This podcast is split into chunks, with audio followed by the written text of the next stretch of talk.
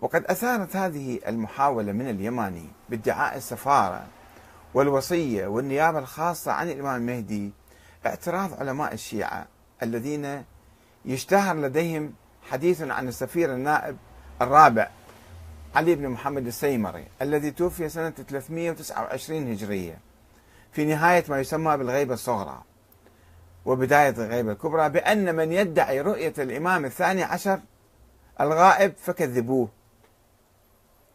في الغيبة الكبرى الممتدة اليوم يعني كذبوه. أي واحد يدعي الرؤية كذبوه. وأصدر المرجع الشيعي الأعلى السيد علي السيستاني فتوى ضد اليماني سنة 1422 يعني حوالي 14 سنة تقريبا. جاء فيها أن الموقف الشرعي تجاه من يزعم اللقاء بالإمام العصر أرواحنا فداه مباشرة أو عن طريق الرؤية حتى بالمنام. في زمن الغيبة الكبرى يتمثل في عدم تصديقه بل والإنكار عليه. لازم تنكرون هذا الكلام. كما أصدر, أصدر الشيخ البحراني المقيم في النجف محمد السند والسيد كاظم الحائري فتاوى بتكذيب اليماني وتكفيره وقتله كما يقول صاحب الكتاب من الدعوة اليمانية. ولكن اليماني حاول كسر هذا الموقف أنه من ادعى الرؤية فكذبوه؟ لا قال بدأ لله في ذلك. الله غيره مو مشكلة الآن. ولكن اليماني حاول كسر هذا الموقف واستثناء نفسه بالقول أن وجود الداعي يسبق حصول الصيحة والسفياني من علامات ظهور الإمام المهدي فينتج من ذلك أن من ادعى المشاهدة كذاب مفتر إلا اليماني. استثنى حالة من الكذب هذا. باعتبار أن اليماني صاحب أهدى الرايات والداعي إلى الإمام. كما يقول الإمام الباقر صاحب أهد أه يعني طيب من قال لك أنت صاحب اليماني؟ من أنت أهدى الرايات؟ صاحب أهدى الرايات. ما في نقاش ما في علم يعني كله كلام كلام مال جهال حقيقة ودجل.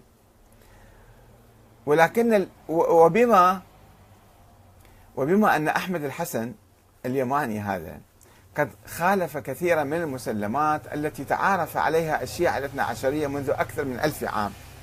فقد اعتمد على فكرة شيعية قديمة هي البداء ليقول بحدوث تغير فيها. أي فكرة تقول له لا الله غير فيها صار بداء فيها. ومن ذلك يوجد في بعض الأحاديث الواردة عن الأئمة أن السفياني من المحتوم وكذلك الصيحة قبل خروج المهدي. فقال اليماني إن هذه العلامات عرضة للبداء يعني يمكن يغير رأيه فيها. طيب اليماني ما الله يغير رأيه فيه. ليش ما يعني ليش من محتوم اليماني؟ اليماني ما خلاص راح بعد ما يجي. وحاول أحمد الحسن أن يدخل أن يدخل من ثغرة فتحها السيد محمد محمد صادق الصدر. هو بالحقيقة في حالة أخبارية بالعراق. آه، عالم سبيط النيلي الحركة القصدية يسموها أو التيار القصدي أخباريين. وسيد محمد الصدر أيضا يعني كل أخبار في أخبار في أخبار. وكل الكلام والتفكير عن شرائح من الناس يدور حول هذه الأخبار الجزئية. فهو أخذ فقرة في كتاب السيد محمد الصدر الغيبة الصغرى ودخل من عنده. آه، في هاي الثغرة اللي فتحها السيد محمد صادق الصدر عن إمكانية مشاهدة الإمام المهدي في عصر الغيبة الكبرى. وذلك بقوله كما ينقل مؤلف الكتاب هذا اليماني أن مدعي المشاهدة كاذب مزور مزور في خصوص ما إذا كان منحرفا ينقل أمورا باطلة عن الإمام المهدي. وأما ما في سوى ذلك فلا يكون التوقيع الشريف يعني أنه من ادعى الرؤية فكذبوه دالا على بطلانه. سواء نقل الفرد عن المهدي امورا صحيحة بحسب القواعد الإسلامية أو محتملة الصحة على أقل تقدير. وإن الإشكال الذي ذكروه غير وارد على التوقيع ولا على أخبار المشاهدة. وأن بالإمكان الأخذ بأخبار المشاهدة. هكذا يقول السيد محمد الصدر كما ينقل عنا هذا جماعة اليماني. ولا يجب تكذيبها إلا ما كان قائما على الانحراف والخروج عن الحق. ولكي يقطع اليماني الطريق على المراجع الذين أعلنوا كذبه في دعواه مشاهدة الإمام المهدي الغائب. قال أن اليماني من الأمور الاعتقادية وأن الفقيه ليس مرجعا للبت فيها المرجع يبتوه في المسائل الجزئية الفقهية. هذه قضية عقائدية كبرى هذه يحتاج يعني ما يحتاج تقليد فيها. وأن كلام المرجع لا يؤخذ تقليدا بل يخضع للموازين العلمية. وقد تبين أن ردود الفقهاء لا تصلح للتقليد لوجوب الاستجابة الشرعية في النهوض عند ظهور اليماني يجب كل الناس يروحون يستجيبون إليه صفحة 139 من هذا الكتاب. أنه خلص هذا بعد فوق المراجع. المراجع ما لازم ناخذ رأيهم. وفي خطوة أخرى أكثر جذرية حاول اليماني ضرب شرعية المرجعية الدينية من أساسها. وذلك بتأييد النظرية الأخبارية المعروفة التي ترفض الاجتهاد والتقليد. فأنكر اليماني جواز الاجتهاد أصلا الاجتهاد مو جائز حرام. واعتبر مسألة التقليد التي يمارسها الشيعة اليوم يتبعون المراجع من مبتدعات الشيعة طيلة أيام الغيبة. وقال إن التقليد بدعة وأن أول من قلد في دينه هلك حديث هذا. عن الإمام الصادق الباقر يروي. وقال لا تقليد في الدين وليس في الشريعة تقليد.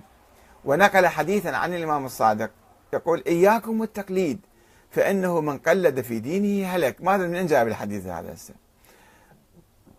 وأضاف هذا اليماني أحمد اليماني لم ينصب الله تعالى الفقهاء حججا على العباد وإنما أجاز للعوام الأخذ بأفعال وتروك من يرونه جامعا للشرائط.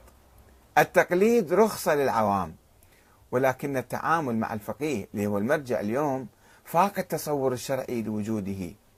ولو سلمنا جدلا بوجود تنظيم على خلاف إرادة الله تعالى لأن اكتفاء الأمة بالفقيه واستغنائها عن الإمام عليه السلام خلاف إرادة السماء. الله حط لنا أئمة ما حط لنا مراجع وفقهاء فلازم نتبع الأئمة المراجع استثناء واضطرارا.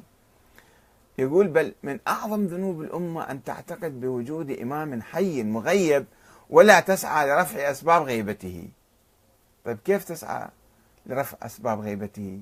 تشكل جيش الغضب والسيطرة على الناس حتى يظهر الإمام. وقال أحمد الحسن إن سبب ضلال الأمم التسليم لغير الحجج الأئمة المعصومين يعني. وأن الوسطية تقتضي احترام العالم وتقديم كلامه والتأمل به وتقييمه على ضوء الدليل الذي يقدمه.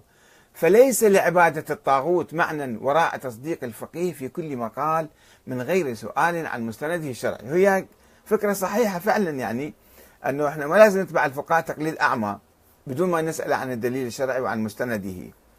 قال الصادق إياك والرئاسة فما طلبها أحد إلا هلك.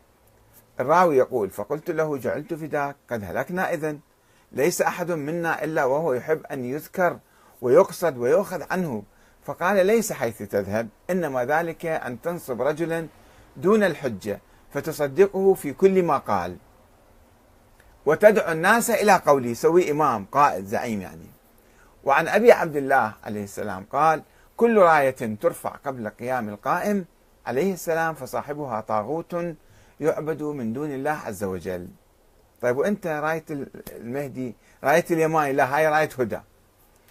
ألا ترى أن الإمام مع كونه حجة منصوصا وغاية التدين التسليم لرأيه وهو مع ذلك يقول ما أخبرتكم عن شيء فاسألوني عن أصل في كتاب الله. ويقول ما جاءكم عني يوافق كتاب الله فأنا قلته وما جاءكم يخالف كتاب الله فلم أقله.